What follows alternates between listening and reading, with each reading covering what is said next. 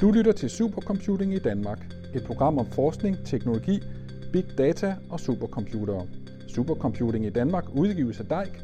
Din vært hedder Iben Julie Schmidt. I denne episode af Supercomputing i Danmark tager vi hul på den del af dansk supercomputing, der handler om humanistisk forskning. På det Kongelige Bibliotek i Aarhus findes den tredje nationale supercomputer. Den har fået navnet Kulturarvsklosteret, og sammenlignet med de andre nationale supercomputere, Computer Room og Abacus, er den ikke ret stor. Men sammen med de omfattende digitale samlinger af dansk kulturarv, der findes på det Kongelige Bibliotek, så giver Kulturarvsklosteret nu humanistiske forskere nogle unikke muligheder for at forske i store mængder data fra dansk kulturarv ved hjælp af nye kvantitative metoder. Vi er kommet til det kongelige bibliotek, og jeg hedder Bjarne Andersen og er visdirektør for IT, udvikling og infrastruktur, som er en af fem områder på det kongelige biblioteks, øh, kort fortalt IT-området, og det er her, hvor projektet Kulturarvsklosteret er forankret, som vi skal tale om i dag. Ja, øh, jeg er også med. Øh, jeg hedder Per Møldrup Datum, øh, og jeg er sådan den daglige leder og koordinator af det her Kulturarvsklosterprojekt. Øhm, og til daglig der sidder jeg både med og øhm, hvad skal vi sige, holde styr på, eller, eller sådan en kontakt til dem, der egentlig kører den egentlige øh, tekniske udvikling af vores infrastruktur, øhm, men jeg sidder også med kommunikationen med øh, de forskere, som vi også kommer lidt ind på senere, øhm, som faktisk gerne vil bruge det, vi har lavet her. Ja, og, øh, og hvad er Kulturarvsklosteret for en størrelse? Jamen, Kulturarvsklosteret er et projekt, hvis kerne og er en teknisk infrastruktur, en forskningsinfrastruktur hedder det med et fint ord, som øh, det Kongelige Bibliotek har udviklet i samarbejde med, øh, med DEIK. Og øh, jamen, kort fortalt er Kulturarvsklosteret jo et system, som øh, giver adgang til at lave kvantitative analyser, data mining, big data, øh, alle de her moderne ord omkring det at analysere på, på store datamængder, øh, og give adgang til at gøre det i et øh, sikkert og lukket miljø her på det kongelige bibliotek. Og det er der jo flere grunde til, hvorfor det lige præcis er, at Kulturarvsklosteret er her hos øh, os.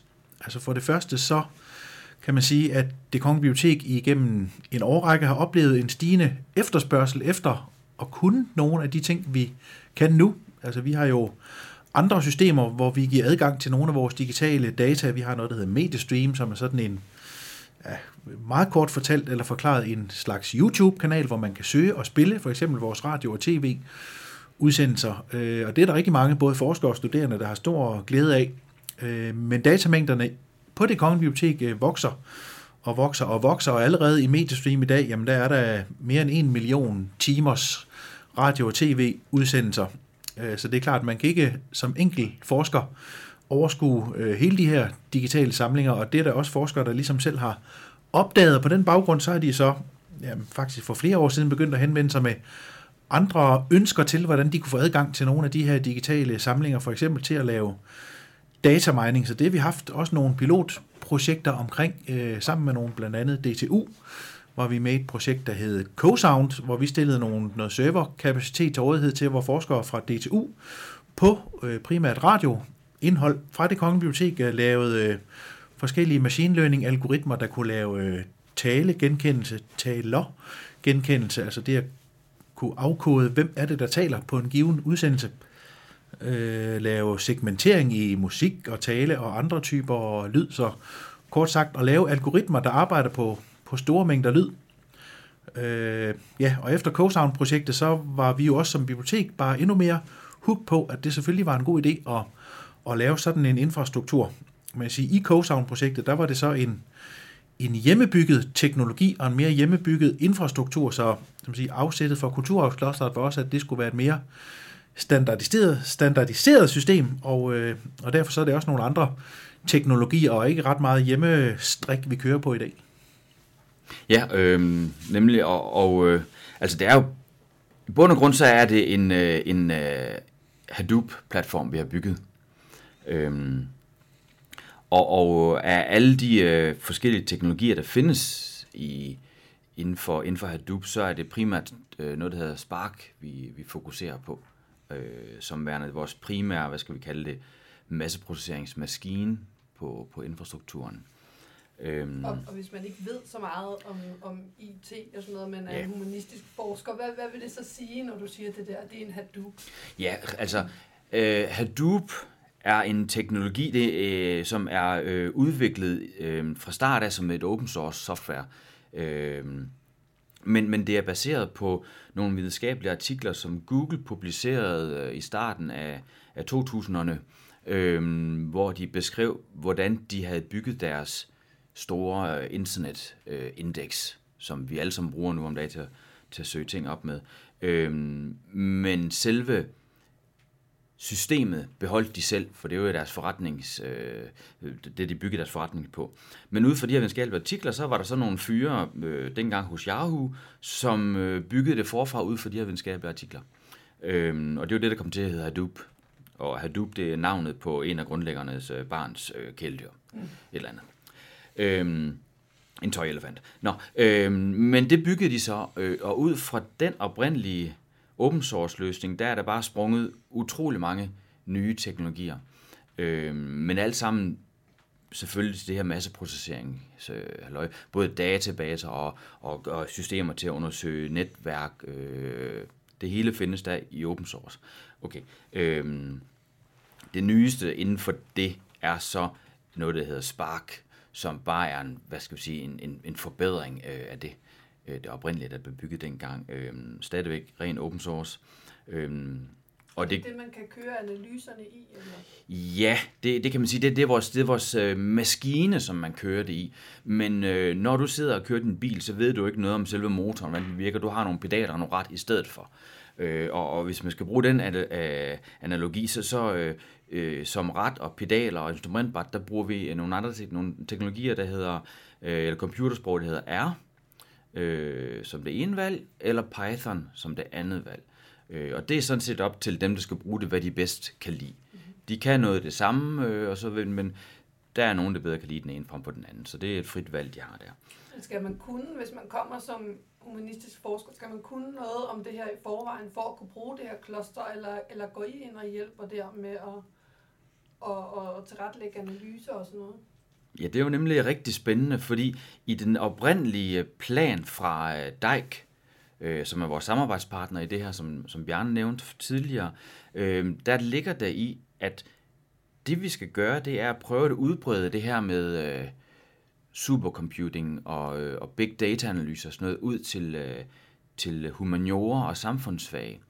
Øhm, altså hvis, hvis vi tager supercomputer og, og videnskab, så har de jo, det jo været anvendt i årtier for ikke at sige øh, 50 år, øh, blandt naturvidenskaben, altså kemi og, og fysik og alle de der, øh, de hårde naturvidenskaber. De bruger det jo, og de bruger det stadigvæk, og de har nogle helt andre systemer. Ikke? Øh, men i, øh, i øh, det oprindelige samarbejde med Dijk, der lå der, at vi skulle prøve at udbrede det til humaniorer. Øhm, og en humanistisk uddannelse har ikke så meget programmering og teknisk... Øh, øh, de får ikke opbygget en teknisk erfaring osv. Øh, på, på deres studier, så derfor var vi fra start af øh, enige med dig om, at vi skulle prøve at finde ud af, hvad vi kunne gøre for at gøre det nemmere for, for humanisterne. Øh, så det vil sige, at, at i, øh, i hele komplekser omkring de her aftaler, der ligger der, at, at en forsker, øh, som, som egentlig skal køre noget på vores system her, får øh, medhjælp. Altså man får, får en fra det kongelige bibliotek med som medhjælper på sit forskningsprojekt. Øhm, og nu skal vi lige til det, vi ikke lige nævnt før, øhm, fordi den måde, vi har baseret det her på i starten, det er via pilotprojekter, hvor et forsker kan komme ind og, og blive et pilotprojekt, et DIKE pilotprojekt, øh, og i, i den aftale, der får de så øh, adgang til den her infrastruktur, vi har bygget her, og de får øh, medhjælp fra vores side, teknisk medhjælp, til, til at og, og, øh, og, øh, prøve at forstå, hvordan de kan bruge R og Python, og det jeg nævnte før, øh, Spark, til at hjælpe dem til at få nogle nye indsigter i, i, øh, i deres datakilder. Vi måske lige snakke om, hvad er det for nogle forskere, der så kommer, eller hvad for nogle pilotprojekter har I og, og kommer? Hvem, hvem bruger det, og hvad bruger de det til? Ja, der kunne det måske være interessant først at se på, hvad vi kan tilbyde af data, mm-hmm. som de kan arbejde på. Ja. For det siger også lidt om, hvilken slags øh, øh, forskningsspørgsmål man kunne forestille sig, at man kunne få svar på. Ikke?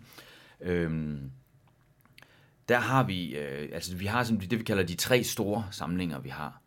Øh, det er øh, vores radio-tv, øh, hvor vi, vi indsamler øh, hele den danske radio-tv-flade øh, 24-7. Øh, så har vi internetarkivet, øh, det danske internetarkiv, som et, øh, et par gange, op til fire gange om året, indsamler en kopi af den danske del af internettet. Øhm, og så har vi så vores avissamling, øhm, hvor vi har digitaliseret øh, nu over 30 millioner avissider. Øh, de her samlinger har selvfølgelig forskellige udfordringer i forhold til jura, det tror jeg, vi kommer ind på lidt senere, så dem berører vi ikke nu. Ikke? Men, men det er sådan set vores tre primære, øh, vores tre helt store samlinger.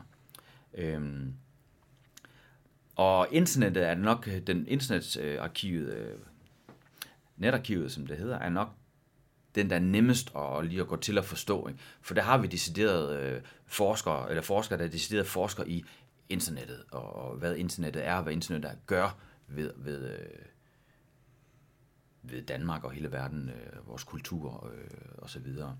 Øhm, der har vi øh, en forsker, vi arbejder en del sammen med, også tidligere, øh, Niels Brygger, øh, som er i gang med et meget interessant pilotprojekt, hvor han prøver at kortlægge de her, øh, det er cirka 10 år, vi har indsamlet internettet, øh, den danske del af det selvfølgelig, øh, og prøver at kortlægge den i tal. Hvordan har den udviklet sig? Det, det kommer der faktisk også en helt podcast udsendelse om. Så det behøves vi ikke gå længere ind her, nemlig. Øhm, men han har det sådan helt ovenfra. Øhm, men vi har også en anden øh, forsker, øh, Janne Nielsen, øh, som har et meget interessant pilotprojekt, synes vi også er på KB, øh, hvor at hun vil se på udviklingen af trackers. Altså vi ved alle sammen, især nu her, det bliver mere og mere op, kommer mere og mere op i medierne, at når vi som mennesker bevæger os rundt på nettet, så bliver vi sporet, at der bliver holdt øje med, at vi bliver overvåget øh, til kommersielle formål.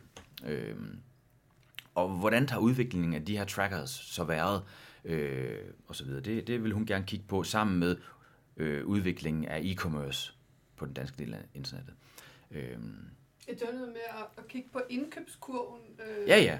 Altså, det er sådan, det er som, hvis der er en indkøbskurve på en ja. hjemmeside, ja. så har de nok en, form, en eller anden form for e-commerce. Ja. Fordi det hele, det hele det handler om, når du skal ned og kigge på internettet, i vores netarkiv, så skal du finde ud af, hvordan, finder jeg, hvordan lærer jeg noget om den her hjemmeside? Ikke? Øh, hvordan det, kan jeg identificere den som værende en type inter, øh, internetside. Ikke? Netop hvis man kan finde en indkøbskurve, eller man kan finde nogle af de øh, programmer eller systemer, som man ved, at websites de bruger til at have en indkøbskurve. Så kalder de måske et program ind på deres hjemmeside nede i HTML-koden. Ikke? Den kan vi så detektere, og så kan vi se, at vi har højst sandsynligt en, øh, en e-commerce site her. Øh, og lidt det samme med trackers. Vi skal have fundet ud af, hvad er det, der afslører, at den her side har en tracker. Øhm. Så har vi også et, øh, en, øh, en forsker, Henrik Bøtger, øh, og øh, hans projekt, det er så ikke i internetarkivet, det er så i vores avissamling. Øh, han vil gerne undersøge tidsligheden på avisforsider, øh, fordi oprindeligt, nu, nu ved jeg jo ikke meget om det her, fordi jeg er ikke forsker, øh, jeg, jeg er jo bare en, der skal hjælpe med at få IT til at virke. Øhm, men det med, at man sætter dagens øh, navn og dato, og måske også klokslet, klokslet i artikler og på avisforsider. Har, sådan har det ikke altid været. Øhm, så hvornår, hvornår starter det, og hvordan har det udviklet sig, og så videre. Det er et af hans projekter, han gerne vil kigge på. Øhm, vi har, altså jeg kunne blive ved, ikke? Altså der er virkelig mange, mange spændende øh, pilotprojekter. Et andet pilotprojekt, et andet pilotprojekt, vi har, øh, som, som, som øh, kommer til at starte her i 2019, det er en, der hedder, en forsker, der hedder Iben Have, øh, og hun forsker i, i, i lyd, og hvordan vi repræsenterer vores kultur osv. i lyd. Øh, lige fra øh, radiosendeflader og så videre til øh, lydbøger og podcasts. Meget relevant for det her, ikke? Mm. Øhm, og hun har tidligere lavet en kvalitativ undersøgelse af øh, Godmorgen P3, øhm, og har selvfølgelig øh, publiceret resultater inden for det. Øh, og hun vil gerne trække sin forskning mere over på det kvantitative. Ikke? Og kvantitativ, det er bare et andet ord for big data, og, og, eller ikke bare, men det er et andet ord for big data. Det det vil vi prøve at gøre med kulturklosteret. Træk forskning fra kvalitativ til kvantitativ, eller kombinere dem mere. Ikke? Mm. Øhm, men det hele, den der fordeling mellem tale og musik, øhm, hvordan talen er. Taler man hurtigere nu, end man gjorde for, for 10 år siden i radioen? Øh, er der flere pauser dengang, eller var der flere pauser dengang, end vi har nu, og så videre. Så hun vil gerne forske i vores radio-tv-samling. Mm. Øhm, så det er jo lige sådan et, nogle eksempler på, øh, på nogle af pilotprojekterne i hvert fald. Og man kan sige lige præcis, de her store digitale samlinger, der findes på det kongelige bibliotek, var en af de primære årsager til og gode grunde til, at øh, i hvert fald vi, men også jo dig, synes, at det gav rigtig god mening, at netop den her infrastruktur, kulturarvsklosteret, skulle være her på det kongelige bibliotek. Altså som eksempel fylder hele radio- og tv-samlingen, i hvert fald i originalformat, øh, passeret 2 petabyte for nogle måneder siden, og det betyder, at hvis man gerne vil arbejde med alt det originalmateriale, jamen skulle man flytte det hen til en infrastruktur et andet sted, jamen så vil det alene netværksmæssigt og selvfølgelig lagermæssigt øh, koste rigtig mange penge og rigtig meget tid, og når nu dataen ligger i forvejen, og sige, der er betalt for, for lagerdelen en gang på det kongelige bibliotek, jamen så, så gav det mening at lægge det her. Der er også masser af juridiske undertoner, som Per også sådan kort berørte, som vi måske kommer lidt mere ind på, der, der har gjort, at det simpelthen var nemmere også juridisk at som man siger, slippe afsted med at lade forskerne arbejde på et mere kontrolleret miljø, ligesom kontrolleret af det kongelige bibliotek, som jo i sidste ende er dem, der har ansvaret for, for de her samlinger, også ansvaret for, at de bliver brugt inden for, for lovens rammer. Så man siger, de to ting, store datamængder og, og juraen gjorde til sammen med, at det kongelige bibliotek også har nogle kompetencer inden for, for anvendelse af nogle af de her teknologier, gjorde, at vi så ja, et antal gode argumenter for, hvorfor kulturarvsklosteret skulle være netop på det kongelige bibliotek, og det synes heldigvis Dijk også var, var en god idé. Vi har jo udviklet infrastrukturen og, og hele mm, teknologien omkring den i forhold til at være så sikker, som den nu kan være, øh, eller skal være. Øh, altså i forhold til, at der er noget sikkert øh, login, der er noget øh, brugerstyring, der er noget rettighedsstyring til, hvem har adgang til hvilke data, der er noget øh, logning på, hvad er det, de her forskere sidder og foretager sig. Sådan et antal kan man sige, elementer i, i, i god skik og håndtering af, af data, som, øh, som til sammen gør, at vi som bibliotek og som ejere af de her data ligesom kan stå inde for, at øh, når man anvender det på, på vores infrastruktur, jamen så, så sker det på en måde, som, øh, som i hvert fald vi mener øh, lever op til, til gældende dansk lov.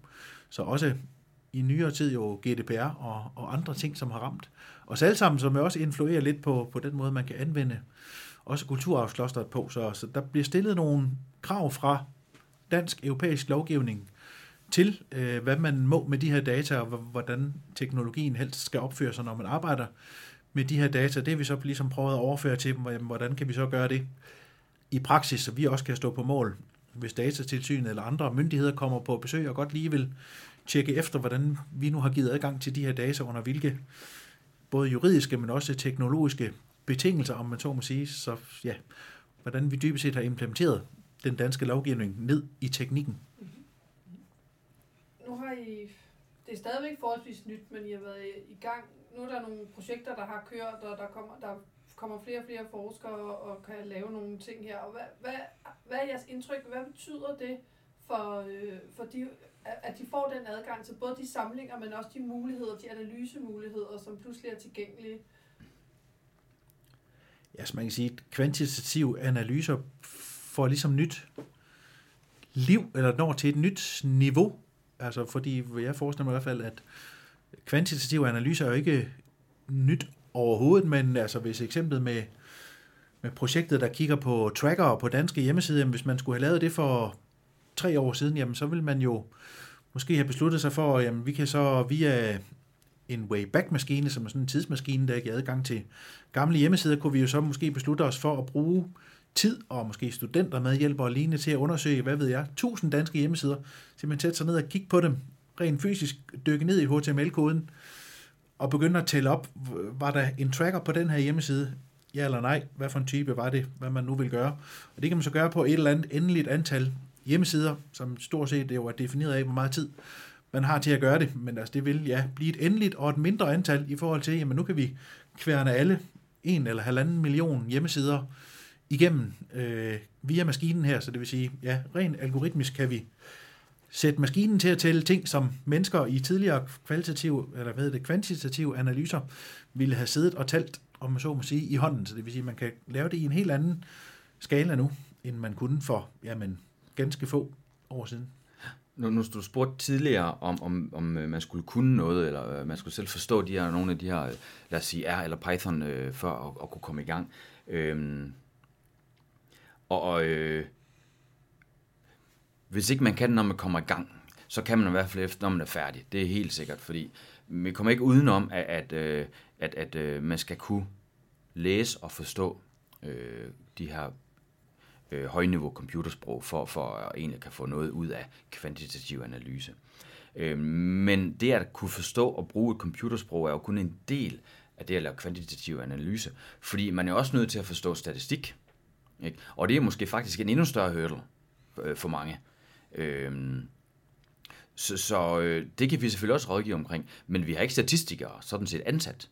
Øhm, og, og øh, hvad så når vi begynder at tale om, om det der med et fint ord hedder data science, og helt over i machine learning og sådan nogle ting der. Øhm, så, så der er mange elementer, som man er nødt til at forstå og kende til, øh, før man kan bruge det i sin forskning. Men det er jo bare indlysende, mm. fordi selvfølgelig er det på den måde. Mm. Øhm, så vi har ikke en eller anden black box, hvor man kommer med sit, research, øh, sit, sit øh, forskningsspørgsmål, og så kommer der nogle, nogle grafer ud i den anden ende. Man er selv en meget stor del af det, øh, selvfølgelig. Men hver gang I så laver et pilotprojekt for eksempel, kommer der så nogle metoder eller nogle arbejdsgange, en slags protokoller eller rapporter ud, som, altså, så det bliver nemmere for hver gang for dem, der kommer efterfølgende? Ja, det er der ingen tvivl om. Det, øhm, igen, der er også flere elementer i det. Øhm, det ene, del, det ene øh, element, kan man sige, det er, hvad vi gør som det kongelige bibliotek for at stille vores samlinger til rådighed for forskerne. Øhm, fordi det kan godt være forskelligt fra forskning, eller det er forskelligt fra forskningsprojekt til forskningsprojekt, om på hvilken form de vil have deres data. Øh, og selvfølgelig også, hvilken del af, af en samling, de er interesseret i. Så der udvikler vi metoder, som selvfølgelig bygger ovenpå det tidligere forskningsprojekt osv. Øhm, når vi så har data over på kulturklosteret, øhm, og forskeren går i gang, øh, bistået os med at lave analyser, med at trække, trække viden ud af de her data, eller hvad nu det er, de er interesseret i at gøre, så, så udvikler de selvfølgelig også nogle metoder, øh, gør sig nogle erfaringer med forskellige måder at gøre det her på. Øhm, men hvad de egentlig gør for at dele det videre, er ligesom lidt uden for vores øh, gebet, kan man kalde det. Øhm, fordi det vi gør, vi, vi stiller jo den her hardware-infrastruktur til rådighed. Øh, så har vi rådgivning omkring jura, ikke? og vi har rådgivning omkring øh, øh, teknik øh, og, og algoritmik og, og den slags ting. Øh, men, men, men, men øh, projektet er ejet af selve forskeren, mm. forskningspilotprojektet. Ikke? Men hvis de så går ud og publicerer, ja fordi det, du snakkede før om det samarbejde, I har under projekter og sådan noget. Bliver, øh, bliver klosteret så, eller, eller det kongelige bibliotek, bliver de krediteret, i, hvis de går ud og publicerer artikler, eller hvordan fungerer det? Det håber vi. Mm. Men det er op til forskeren. Ja. Okay. Øhm. Ja. ja, så man kan sige, altså, der er helt sikkert også noget øh, kompetenceudvikling i hele det her øh, setup, fordi der er ikke... Øh, I hvert fald ikke nogen, vi har mødt endnu, sådan i stor stil, en masse danske humanistiske forskere, som faktisk er særlig vant til det her. Man kan sige, der er også lidt hønen og ægget i det. Der er ikke rigtig nogen, der har arbejdet med, med dataanalyse i, i den skala, der overhovedet er mulighed for nu. Så man siger, hvor skulle de overhovedet have, have opnået de kompetencer henne? Så der vil være noget kompetenceudvikling, og det kan vi også se. Altså, der er jo hele universiteter, der på deres humanistiske fakulteter nu har begyndt at lave også altså systematiske kompetenceudviklingsforløb, hvor forskerne en gruppe af forskere også kommer igennem, i hvert fald introduktioner til for eksempel R eller Python eller andre ting, ligesom vi kan se, der begynder at komme flere og flere Ph.D.-kurser, der er også på humaniora begynder at uddanne Ph.D.-studerende, også i programmeringskompetencer, så på den måde, der er det helt sikkert noget, der vil flytte sig. Og Så, så det er klart, at der kan sagtens være forskere, der kommer til kulturarvsklosteret, som ikke lige dag et selv besidder kompetencerne, måske heller ikke øh, efter et pilotprojekt er slut, nødvendigvis selv kan sætte sig ned og arbejde med det, men altså, så må de jo enten, ja, så kan de få vores hjælp, det kan være, at de begynder at ansætte nogle øh, studenter, medhjælpere, der hjælper dem, der må uden tvivl begynde at opstå stillinger rundt omkring i forskningsmiljøerne, som øh, data scientist og, og, og lignende, som Per også nævnte. Altså vi kan se, udenlandske universiteter begynder at have hele uddannelsesprogrammer, så man kan uddanne dig til at blive data scientist, som er sådan en, der måske hjælper andre forskere med at oversætte deres forskningsspørgsmål til noget teknologi. Mm. Så det er en udvikling, der er i gang, øh, og der er det her jo kun noget, der kan understøtte, at man i virkeligheden nu faktisk har et sted, man kan gå hen og gøre det i, i stor skala. Altså man kan sagtens arbejde med både Python og R på sin øh, laptop og på nogle små datamængder, men vil man køre over 30 millioner avissider, så tager det enten rigtig lang tid. Øh, måske er det faktisk helt umuligt. Altså hvis, hvis en algoritme vil tage overvis om at skulle stå og køre på en enkelt computer, så, så er det i praksis ikke lade sig gøre Så, så man vil også, og det er også den måde, vi, vi tænker, at der også kan arbejdes på. Man kan få et lille et testdatasæt, som sådan set kan sidde og udvikle nogle af algoritmerne på sin egen computer, eller hvor svartiden selv på, eller på datamængden jo er, er så lille, så man kan sidde og eksperimentere med tingene, og når man så ligesom synes, man har en algoritme, der giver mening på et lille testdatasæt, jamen så kan man afvikle fuldstændig den samme algoritme på hele avissamlingen, eller alle danske hjemmesider på et år, eller hvad det nu måtte være, man ligesom har som øh, fokus for sit forskningsspørgsmål. Koster det penge at øh, bruge klosteret? Det må vi sige ja til. Altså det, dels så er der jo udgifter for det kongelige bibliotek forbundet med at, at stille sådan noget teknologi her til øh, rådighed.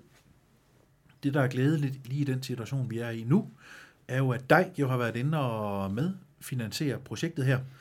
Så dels så har vi øh, øh, ligesom delt udgifterne til at etablere den her infrastruktur, så man siger, at det kongelige bibliotek har også puttet penge i, i projektet. Og dels så tilbyder dig jo nu at finansiere det her, vi kalder pilotprojekter, så det vil sige, at en forsker kan ansøge om at blive et pilotprojekt, og det er der stadigvæk øh, ledige pladser til, lidt endnu i hvert fald, øh, og så betaler sådan set en pulje penge, Dejkar betaler øh, det, det egentlig koster at få adgang til klosteret, og det, det koster at få vores tekniske personale til at hjælpe forskeren altså helt ned med at skrive noget faktisk R- eller Python-kode, eller hvad nu er, man, man arbejder med. Så lige nu kan man sige, hvis man bliver et pilotprojekt, så er det sådan set gratis for forskeren, men altså planen er også, og det gør vi også meget ud af at fortælle forskeren, også når det bliver et pro-projekt, at planen er, at det er noget, man skal betale for. Hvis man kigger på andre supercomputere her i landet, så er det også noget, forskerne PT betaler for at få adgang til.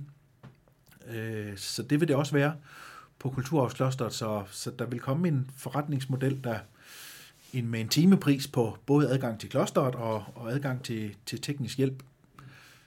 Så det humanistiske forskere også skal vende sig til, er det, som naturvidenskaben har gjort i, igen i sandsynligvis i årtier, at når de for eksempel søger penge hos eksterne fonde og puljer og sådan noget, jamen så skal der jo puttes et eller andet beløb ind i sådan en ansøgning til netop adgang til, til infrastruktur. Det, det er noget nyt også for humanisterne, at de skal vende sig til, til, det, til det aspekt, kan man sige, af deres forskningsprojekter, at det pludselig er noget, de skal have adgang til. Altså, de har jo ikke været vant til at have dyre apparater eller laboratorier, de har skulle søge penge hjem til for at få adgang til, fordi de netop har primært har betjent sig af deres hoved og deres computer, og så en masse materialer, øh, fysiske eller digitale. Men nu kommer der pludselig altså infrastruktur ind i billedet, digital infrastruktur, som altså koster, koster noget, som de skal være med til at betale for. Hvad skal man egentlig gøre, hvis man gerne vil i gang med at bruge klosteret? Ja, det nemmeste det er at starte med at gå ind på kulturarvskloster.dk mm. eller kulturarvskloster.dk øh, og der er der links hen til tingene. Men, men det, det egentlig handler om, det er, øh, så længe vi har stadigvæk har pilotprojektfinansiering, så er det bare at øh, komme i kontakt med os øh, på kulturkloster.dk eller, eller, eller øh, skrive til øh, Bjarne eller jeg her på, øh, på det Kongelige Bibliotek, øh, og indlede den dialog, jeg nævnte tidligere. For det er igennem dialogen, at vi finder ud af, jamen er det her overhovedet noget, som vil... Øh, som har brug for kultursklosteret. Øhm, fordi vi skal jo ikke ud og, og, og skyde øh, gråsbog med kanoner. Det, det, det, det skal ligesom passe. Øhm, og øhm, nu snakker vi big data her og sådan noget, har brugt de ord. Altså, der er faktisk også sådan, altså, a lot of big data is just a bunch of small data problems. Øh, så bare fordi man har masser af data, eller noget, er det ikke ens med, at, at man har brug for et kulturkloster af den slags.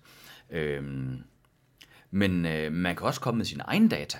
Så, så, så hvis man har lavet en, øh, en indsamling af data, det kunne være 500 fotografier, 500.000, undskyld, fotografier fra, fra Instagram, øh, som man har fået indsamlet selvfølgelig under øh, øh, GDPR og så videre, øh, men man ikke selv har infrastruktur til at ligesom at lave en eller anden deep learning analyse af de her billeder og så videre, så kan man også komme og bruge kulturskloster. Det, det, det behøves ikke være med vores data. Øh, og også inden for pilotprojektordningen. Øh. Så øh, kulturslottet.dk, eller skriv til mig og Bjarne, eller, eller, øh, eller ring til os selvfølgelig. Så, så finder vi ud af, om, om det er noget. Øh. Og hvordan, hvor, hvor ser I klosteret bevæger sig hen her i de kommende år? Hvad er visionen for udviklingen af, af klosteret? Øhm, for, for to uger siden var jeg til en, et seminar en, eller en slags workshop på British Library, hvor at øh, vi var omkring 40 institutioner fra omkring 30 forskellige lande, som mødtes her i tre dage, eller der i tre dage for at snakke om, hvad et, et, øh, bibliotekslaboratorie, et teknisk digitalt bibliotekslaboratorie, øh, hvordan det kunne se ud, og, og hvad de forskellige nationale biblioteker gør rundt omkring i verden. Øhm, og der stod vi i en position, som alle de folk, de bare sagde, nej, det der vil vi altså også have. Mm. Øh, så, så vi er allerede et godt sted at være lige nu, med, med det vi har. Øhm, men det kan udvides. Ikke? Øh, altså vi har finansiering til bare rent teknisk kedelig hardwareudvidelse. Øh, men det vi har lige i øjeblikket er baseret på traditionelle CPU'er, øh, for det er typisk der, hvor Hadoop øh, har ligget.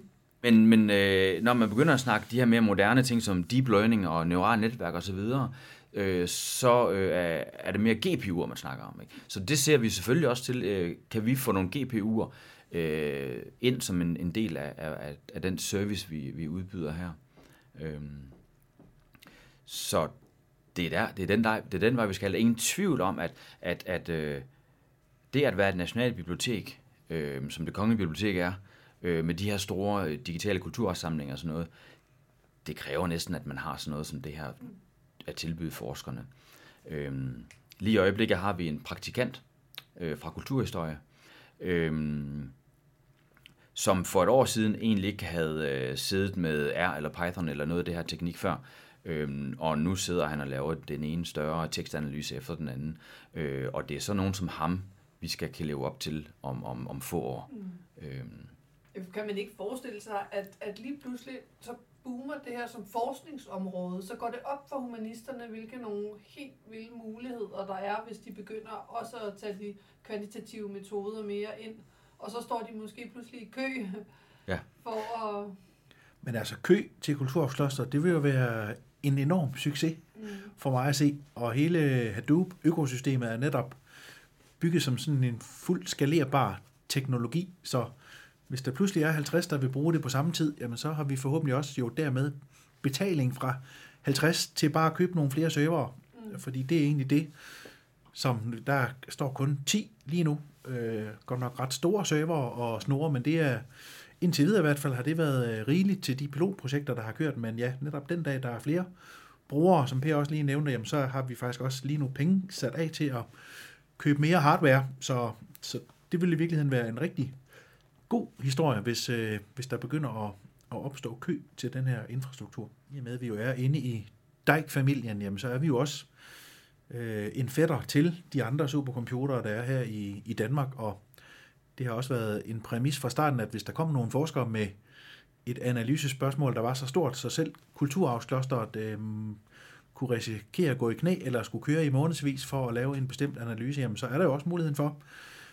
at vi via samarbejde med for eksempel Abacus, øh, som den hedder supercomputeren på, på SDU, jamen altså vi kan så må sige, sende et job ned og køre på ikke 10 noder, som vi har lige nu her, men måske på 100 eller på 1000 noder nede hos dem. Øh, det koster også nogle penge, så der, det vil der også være noget økonomi i, men man kan sige, at muligheden øh, er til stede. Og også en, vi har, vi har talt om, så ligesom SDU jo også får henvendt sig måske fra nogle forskere, som de så henviser til Kulturarvsklosteret, fordi det i virkeligheden var bedre for dem at være hos os. Det kan være, at materialerne er her, eller de teknologier, de gerne vil anvende, og nogle af dem, vi har. Så vil vi også kunne henvise forskere den anden vej. Og det er jo sådan set en styrke ved at være en del af, af Dijk-familien, om man så må sige, at vi netop øh, ligesom har fået etableret et rammeværk, hvor der er også en arbejdsdeling mellem de her infrastrukturer, fordi vi skal jo netop ikke være konkurrenter mellem hinanden, men nogen, der supplerer hinanden og som sige, samlet set giver danske forskere en, et vifte af tilbud, som forhåbentlig kan dække alle de øh, behov, de nu måtte have på den der skala fra det helt lille og til det meget store. I udsendelsen nævnes nogle af de forskningsprojekter, der allerede anvender klosteret. Dem vil du kunne høre meget mere om i de kommende episoder af Supercomputing i Danmark. Hvis du ikke allerede er abonnent på Supercomputing i Danmark, så kan du blive det enten via iTunes eller FM Player. Så får du besked hver gang en ny episode er tilgængelig.